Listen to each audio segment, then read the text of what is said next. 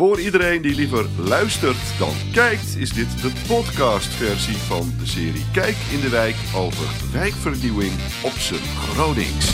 In deze zesde aflevering vanuit de wijk Selwert proberen we antwoord te krijgen op de vraag hoe je nou zoveel mogelijk stadjers laat meedoen aan die wijkvernieuwing. Iedereen doet mee. Nou ja, bijna iedereen. Dat ondervond Theo Venema ook. Hij is projectmanager Business Development bij Warmtestad en werkte al samen met de gemeente en woningcorporaties, maar wist ook de woningeigenaren van de Larix, particulieren dus, aan tafel te krijgen bij zijn plannen. En makkelijk was dat niet. We zijn allemaal Nederlanders, hè? we willen graag de prijzen vergelijken van is het nou duurder of is het nou goedkoper. En een warmtenet is ongeveer even duur als een, als een gasketel, maar het is wel ingewikkelder om het goed te kunnen vergelijken. En daarvoor moet je dus eerst goed kunnen uitleggen hoe nou eigenlijk de huidige kosten in elkaar zitten in een gassituatie. Nou, voor heel veel bewoners is dat eigenlijk ook best nog wel ingewikkeld. Gasrekening is best heel moeilijk om te lezen. En daarna moet je uitleggen hoe je dat vergelijkt met een warmterekening. Je hebt andere getallen, je hebt andere eenheden. Nou, probeer daar maar eens uh, soep van te koken. Dus daar hebben we veel tijd aan besteed om, om daar een heel stuk kennis in over te dragen. En, en dat, dat, is, ja, dat best ingewikkeld om dat voor elkaar te maken. Goed uitleggen dus die prijzen. En dat terwijl de media bol staan van negatieve berichten over de energietransitie. Slecht nieuws gaat veel sneller dan goed nieuws. Hè. Dus als er iets in de krant staat uh, over hoge warmtetarieven of over het wordt niet warm genoeg in de woning, hè, dan is dat natuurlijk begrijpelijkerwijs ook een vraag die leeft bij, bij deze particuliere groep uh, uh, woningbezitters. Um, het leuke van dit project is eigenlijk dat we, omdat het een vrij klein project is, we heel intensief contact altijd met elkaar gehad hadden. En ook heel, heel persoonlijk contact ook. En dat maakt dat je vragen durft te stellen aan elkaar. Hè, dat je ook met dezelfde mensen twee jaar lang opgetrokken bent. Ook bekend raakt met, met de bewoners en de bewoners andersom. Ook met Warmtestad en de gemeente en, en Sunny Selwert. En dat je op een moment ook ruimte krijgt voor, voor moeilijke vragen. Van hoe zit dat nou eigenlijk? En ook ruimte hebt voor vertrouwen naar elkaar toe. En daar mag best eens een keer ook iets in zitten wat, je knelt of wat misschien ja, wat nou niet, niet een voordeel is van een warmtenet. Hè. Er zijn ook gewoon echt wel nadelen. Nou, leg dat ook gewoon op tafel. Hè. En, uh, dat, dat, uh, daar is dan ruimte voor vanwege juist dat persoonlijk contact. Dus vertrouwen is heel belangrijk in, in het aangaan van zo'n project. Je kunt niet een algemene uitspraak doen over energiekosten en voordeel. Iedereen heeft een eigen gascontract met eigen looptijden, met eigen korting, overstapbonus. De ene heeft een groen toeslag. Nou, er zit heel veel differentiatie in gasrekeningen, heel veel verschil. Ook heel veel verschil. De ene heeft net een nieuwe ketel en de andere heeft een oude cv-ketel. Dat maakt ook al veel uit. Dus het is allemaal maatwerk. En dat maakt het heel wel ingewikkeld. Je kunt geen algemene uitspraken doen over het is voor iedereen goedkoper of het is voor iedereen duurder of iedereen heeft een voordeel van een bepaald bedrag. Dus het is allemaal maatwerk. Persoonlijk contact en vertrouwen dus. En eerlijk zijn. Het voordeel van die transitie verschilt tenslotte nogal per persoon. Jeannette Huismans is bewoonster van de Larix, die wel belangstelling had en de stap gaat zetten naar het warmtenet. Maar ja, zij was al duurzaam bezig en wilde al van het gas af. Dat geldt lang niet voor iedereen. Waar ligt dat volgens haar aan? Nou, ik denk dat het van belang is dat er een. Uh dat er ook een planning komt van uh, in dat jaar moeten er zoveel mensen van het gas af en dan dat, dat dat daadwerkelijk gaat gebeuren. En ik denk ook dat het van belang is een weerwoord geven, want het is natuurlijk niet zo geloofwaardig als Nederland van het gas afgaat en Duitsland gaat erin investeren. Dus dat, dat wordt dan ook vaak genoemd van, uh, nou uiteindelijk blijft dat gas wel. En ik denk dat het van belang is om dat heel erg duidelijk te maken dat uh, ja, dat, dat daadwerkelijk zal gebeuren. Ik denk zelf dat het slim zou zijn om nu uh, die gasprijzen zo hoog uh, zijn en die koppeling tussen gas en, en warmtenet was eigenlijk een soort garantie naar de bewoners dat het nooit meer zou worden naar de gasprijs. Maar nou die gasprijs zo hoog is geworden, zou je misschien tactisch gezien kunnen laten zien dat mensen op een warmtenet nu voordelen hebben omdat ze minder gas uh, verstoken. Dus eh, als politiek zou ik daar deze situatie van dit moment nu uitbuiten uh, om mensen te, te overtuigen dat het ook voordelen kan hebben. Al dus Jeannette Huismans, bewoonster van de Larix. Je luistert naar Kijk in de Wijk, de podcast en videoserie over wijkvernieuwing op zijn Gronings. Jan-Dirk Gardenier is antropoloog. Hij onderzoekt gedrag van mensen en schreef daar ook boeken over. En hem vroegen we wat je moet doen om Selwerders zelf zoveel mogelijk mee te laten doen aan die wijkvernieuwing. Ik denk dat het heel belangrijk is dat jij nadenkt, wiens probleem wil je oplossen en waarom. En, en wat ik tegenkom is dat heel veel projecten, die hebben wel een goede motivatie. Dus het gaat niet om dat mensen slechte ideeën hebben of slechte dingen willen. Als wel dat het heel erg hun ideeën zijn voor andere mensen. En uh, als het gaat over armoede en verloedering, kom ik tegen dat mensen, hoe gek het ook klinkt, dat zelf niet per se zo zien zoals hulpverleners of ambtenaren dat zien. Dus die denken dat moet opgelost worden en dan gaan we wat aan doen en wij gaan jou helpen. Uh, en en dat is lang niet altijd uh, zeg maar wat enthousiast ontvangen. En ik zou zeggen, je moet dus misschien ook niet nadenken hoe kunnen we dat verbeteren, als wel van hoe kunnen we beter begrijpen wat de situatie van die mensen is. En snappen wat voor hun belangrijk is. En dan nadenken, wat zouden we dan samen met hun kunnen doen. In plaats van, hoe krijgen we ze mee met ons idee. Zo, die zit. Dus niet vanuit je ambtelijke apparaat mensen gaan vertellen wat die mensen zouden moeten willen, maar ze vragen wat ze nodig hebben. Klinkt makkelijk en logisch, maar het gebeurt dus niet altijd. Wat zouden al die mensen die zich met wijkvernieuwing bezighouden nou wel moeten doen? Nou, volgens mij zouden ze mee moeten beginnen op hun handen te gaan zitten. Dus ze moeten nadenken van waarom moet ik hier iets gaan doen? Wiens probleem hebben we hier? En wat kan ik doen om dat probleem op te lossen? Dus volgens mij is het ook veel belangrijker om uh, uh, uh, contact te hebben met mensen, serieus gesprek te hebben. en, en, en, en dan te kijken en, en, en, en te horen en te begrijpen vooral ook wat nodig is. Maar ook om een eerlijk verhaal te vertellen.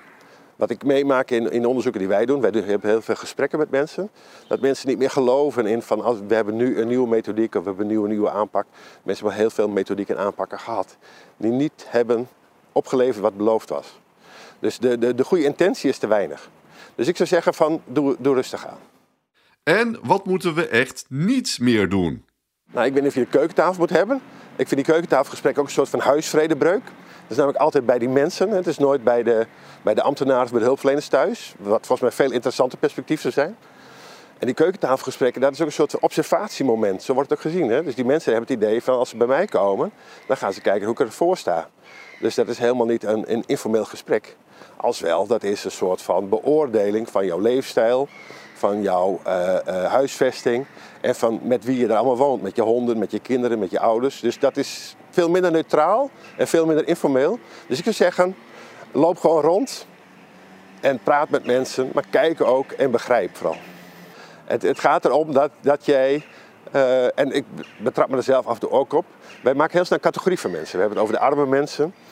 Uh, laatst had ik ergens opgeschreven dementerenden. En toen zei iemand, nee dat mag je niet zeggen. En dat vond ik volstrekt terecht. Dat zijn mensen met dementie. Dus ik denk gelijkwaardigheid zit ook voor een deel in hoe wij het benoemen. Hè? Dus arme mensen, dat zijn geen, is geen soort. Dat zijn mensen net zoals jij en ik. En gelijkwaardigheid is dus veel meer dat je dat verschil eraf haalt. En uh, dat je gewoon met mensen omgaat zoals met jezelf, met je eigen, uh, met je eigen omgeving. En professionals, die blijven natuurlijk altijd professionals. Dus die gaan nooit in een soort vriendschappelijke manier met andere mensen om. Dat hoeft ook niet, vind ik. Dat verwachten mensen ook niet. Maar gelijkwaardigheid zit er veel meer in dat je mensen neemt zoals ze zijn. Aldus antropoloog Jan-Dirk Gardenier in Kijk in de Wijk, de podcast en videoserie over wijkvernieuwing op zijn Gronings. Deze aflevering, de laatste, gaat over hoe doet iedereen mee? Een van de Selwerders die zich betrokken voelt en actief is, is Alex ten Brinke. Hij heeft een eigen bedrijf en werkt daarnaast als hovenier bij het wijkbedrijf. Hij had tijd over en had goede redenen om in Selwerd mee te doen met het groen in de wijk dat je toch met mensen uh, bezig bent. En ook andere mensen. Mensen ook, uh, nou ja, uh, zoals sommigen zeggen, wel een rugzakje hebben. Of oude mensen iets voor willen doen. Er doen best veel mensen mee. Waarom is dat eigenlijk volgens Alex? Misschien wel dat ze eenzaam zijn en toch onder de mensen willen komen. Want ja, sommige mensen hebben er probleem mee. Schamen zich, noem maar op. En daardoor kom je ook een drempel over. Doordat je met andere mensen er ook over kunt en mag praten. Ik bedoel, de, we krijgen nou binnenkort krijgen ze een uh, persoon. Dus dan kunnen ze dingen vertellen wat ze niet, gauw tegen een ander zal zeggen, maar wel tegen haar mogen zeggen, want het is een haar. Sociaal contact, lol hebben, ja, zo kan het natuurlijk ook. Dan door naar de Mispollaan. Daar treffen we David Bergtop, projectleider herinrichting in Selwert. Die begint nooit zomaar met een compleet plan, maar betrekt ook altijd de bewoners bij de inrichting. En dat is niet alleen goed, maar ook nodig. Achter jou uh, is de uh, straat alvast opnieuw ingericht. Ja, dus de groenzone van de Mispellaan. alleen omdat de bouwblokken nog gesloopt worden, de woningen van Nijenstee, hebben mensen dit ervaren als een onveilig stukje. Dus we hebben de straat al, al opnieuw ingericht. maar omdat er nog een heg komt tussen de stoep, als de, als de woningen straks gesloopt zijn en er nieuwe woningen staan, uh, is het dus nu nou, voor bewoners een onveilige situatie. En een van de mooie dingen door goed te luisteren naar wat bewoners aangeven, is dat we daar dus nu de plantenbakken, die hier ook verder in de straat staan, hebben kunnen gebruiken om dat stuk veiliger te maken. Ja, mensen hebben altijd wensen natuurlijk. Maar hoe kom je nu in contact met die mensen zonder die vervelende klachtenformulieren en ingewikkelde procedures? Want ja, dan is het natuurlijk vaak al te laat. Nou, kijk, het voordeel van het uh, opnieuw inrichten van een straat is dat het vaak een heel afgebakend traject is. Uh, zeg maar van begin, uh, dat we beginnen met het opnieuw ontwerpen, tot de uitvoering duurt vaak een, een, oplevering van het ontwerp duurt vaak een half jaar. Dus dat is voor mensen te overzien. en dus op het moment dat wij met die plannen bezig gaan, zorgen we ook dat we eerst de wijk in gaan. Dat we bij bewoners aanbellen, dat we met een wijkwagen in, in de wijk staan. Uh, dat we mensen online laten reageren. En op die manier haal je eigenlijk al heel veel geluiden van bewoners op. En voorkom je ook uh, dat mensen het idee hebben, hé, hey, er wordt een plan gemaakt zonder dat wij daarbij betrokken zijn. We zijn natuurlijk al een aantal jaar aan de slag in de wijk en we leren steeds beter hoe we uh, zoveel mogelijk mensen kunnen betrekken. Maar soms is dat natuurlijk ook nog een zoektocht. dus we bereiken nog niet iedereen. Um, maar we weten wel steeds beter ook sleutelfiguren in een wijk te betrekken. En die weten vaak ook breder wat er speelt. En op die manier proberen we dus zo, nou ja, zo goed mogelijk eigenlijk de stemmen, de verschillende stemmen in de wijk toch in de plannen te krijgen die we maken. Dat is slim ja, sleutelfiguren inzetten, zoals Alex die we net zagen. Hoe belangrijk zijn eigenlijk die actieve bewoners voor de wijkvernieuwing? Kijk, Alex is natuurlijk een van die bewoners uh, waar je als zo'n wijk gewoon heel erg blij mee moet zijn. Uh, het zijn mensen die uh, initiatief nemen, en ook gewoon echt over een langere periode actief willen bijdragen aan hun wijk of straat. Dus uh, ja, wat Alex hier ook heeft gedaan, het bloembakkenproject. Dat is zo'n concreet voorbeeld waar hij ook andere bewoners in meetrekt. En waar je eigenlijk vandaag al, hè, want zo'n wijkvernieuwing duurt lang, maar waarmee je vandaag al een resultaat kunt, uh, kunt creëren. Uh, dus ja, zonder, zonder dat soort actieve bewoners kunnen we eigenlijk ook niet een goede wijkvernieuwing doen. Dat zijn de mensen die mee willen doen hoe zit het met de mensen die soms zelfs tegen wijkvernieuwing zijn? Af en toe zijn er uiteraard mensen die eh, ergens op tegen zijn. En nou ja, dat, dat voelt soms vervelend. Um, alleen als je soms vraagt waar, waar dat hem dan in zit, uh, dan komt dat soms ook gewoon door teleurstellingen uit het verleden. Of verwachtingen die misschien niet helemaal zijn waargemaakt. Dus uh, het is wel zaak dat je dat serieus neemt en ook goed luistert naar wat nou echt de reden is dat iemand tegen is. En zo mogelijk, je kunt niet altijd iedereen plezieren, ehm, maar zo mogelijk kijk je wel, heeft iemand echt een goede reden en kunnen we daar in het plan iets aan doen. Een goed voorbeeld is ook wel de, de Malenslaan, waar bewoners een, bepaalde looproute gewend zijn, richting de school, richting het winkelcentrum. En daar hadden wij een oversteekplaats ingetekend op een plek waarvan bewoners zeggen, ja dat is helemaal niet een gangbare looproute voor ons. Nou, dan wordt dat plan aangepast. Alleen het is natuurlijk niet zo dat we altijd zeggen, u vraagt, wij draaien. Um, dus af en toe je, moet je ook gewoon zeggen, nee, dit is niet mogelijk. Of we hebben er goed over nagedacht en dat moet u van ons aannemen. Maar we proberen zoveel mogelijk mensen te betrekken. Vragen, luisteren, aanpassen, het kost allemaal tijd. Hoe bereik je nou met zoveel dingen zoveel mogelijk mensen, David? We werken hier eh, gelukkig met een heel team eh, van mensen aan de wijkvernieuwing in Selwert. We hebben een buurtregisseur, eh, we hebben mensen die met bewoners bezig zijn om, eh, om aan te sluiten op buurtwarmte, die dus veel contact hebben met bewoners over hun woning, maar ook over andere thema's. En als ik er zelf niet uitkom, dan heb ik gelukkig collega's waar ik soms ook gewoon bij te raden kan gaan van hey, hoe kunnen we deze specifieke bewoner of deze opgave het beste aanpakken. En nou ja, op die manier probeer je gewoon zo goed mogelijk te kijken hoe je mensen kunt bedienen. En bijna altijd is het dan mogelijk om eruit te komen. En zijn er soms wel eens uh, gevallen dat je er gewoon niet uitkomt. Uh, heb ik zelf nog niet meegemaakt. Maar op dat moment ja, moet je toch kijken dat je tot een oplossing komt. David Bergtop was dit. Meepraten over wijkvernieuwing, dat kan hè. Zoek ons op op LinkedIn. Je vindt ons natuurlijk onder de naam Kijk in de Wijk. En dit is Marie Smeding, initiatief- en procesbegeleider bij Grunnige Power. Ze helpt bewonersinitiatieven verder en betrekt Groningers bij de energietransitie. Of in haar eigen woorden. Dat is vooral het eh, organiseren bijvoorbeeld van laagdrempelige activiteiten. Nou, zoals ik net al even zei, de duurzame huizendag die we samen met Energieloket Groningen organiseren. Uh, dat gaan we uh, komend jaar weer in juni en oktober doen. Um, en waarbij we vooral eigenlijk energiezuinige woningen laten zien. Uh, in juni uh, is er iets meer aandacht voor de klimaatadaptieve maatregelen daarbij. En in oktober focussen we ons echt op uh, warmtebesparing, nou, dus ook geldbesparing. en verder organiseren we eigenlijk tal van activiteiten in de wijk, vaak samen met bewoners. zo hebben we onlangs hier in Selwert nog buren op pad met een warmtebeeldcamera in de hand. En de camera die meet temperatuurverschillen. Dus als je dan bijvoorbeeld een opname van een woning maakt, dan zie je heel mooi en duidelijk waar er uh, warmte weglekt uit de woning. Uh, zodat je weet waar je bijvoorbeeld kieren moet dichten, of waarbij de koude, koude bruggen zijn. Um, of zie je waarom het eigenlijk nou, toch loont om bijvoorbeeld toch dubbel of trippel glas te nemen. Dat werkt vast aanstekelijk. En wat doet Marie als mensen niet mee willen doen? Kijk vooral uh, uh, wat er dan wel belangrijk voor hen is en hoe kan je daarop inspelen. En ik denk dat dat heel belangrijk is. Kijk, de ene persoon die verduurzaamt vanwege het klimaat, de ander die doet dat uh, vanwege de onafhankelijkheid en, en, en een derde die doet het puur vanwege geldbesparing.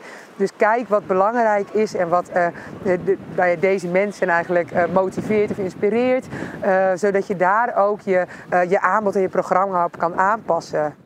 Een collega van Marie is Anne Huizinga, wijkbegeleider van Grunnige Power. En ook zij is veel met bewoners in gesprek over verduurzaming, zoals bij de aanleg van het warmtenet. In eerste instantie is niet iedereen daar uh, enthousiast over. Dat komt ook omdat er nog veel uh, informatie ontbreekt. Bewoners willen weten wat betekent dit voor mij, wat betekent dit voor mijn huis, wat betekent dit voor mijn portemonnee. En we merken dat naarmate er meer informatie over komt, uh, dat, uh, dat bewoners daar ook enthousiaster over worden. En met name omdat uh, we hen ook vanaf het begin uh, betrekken. We hebben een werkgroep van bewoners hier in de buurt die ook echt kan meedenken. en dat betekent dat er dus ook een aanbod komt die aansluit bij de wensen van bewoners. Ja, en die werkgroep komt dus elke maand bij elkaar. En Anne komt ook gewoon bij de mensen thuis. Dus geen grote informatiebijeenkomsten, maar persoonlijk contact over techniek en kosten. Er zijn dus heel veel dingen die je kunt doen om, nou ja, niet iedereen, maar wel heel veel grunnigers mee te krijgen in de wijkvernieuwing. Vertrouwen winnen bijvoorbeeld door eerlijk te zijn, kennisdeling, echt praten met elkaar, werkgroepen vormen, vrijwilligerswerk organiseren en belonen, zichtbaar in de wijk zijn, sleutelfiguren opzoeken, plannen durven aanpassen en een gelijkwaardige rol nemen naar de bewoners. Wat een mooie oogst! Ga zo door Groningers en praat hierover door. Bijvoorbeeld via onze LinkedIn-pagina, zoals al eerder aangegeven, vind je die natuurlijk onder de naam Kijk in de Wijk. Dit was hem, de eerste serie over wijkvernieuwing op zijn Gronings in de wijk Zelwert. Bedankt voor het luisteren en waarschijnlijk tot de volgende. Mooi!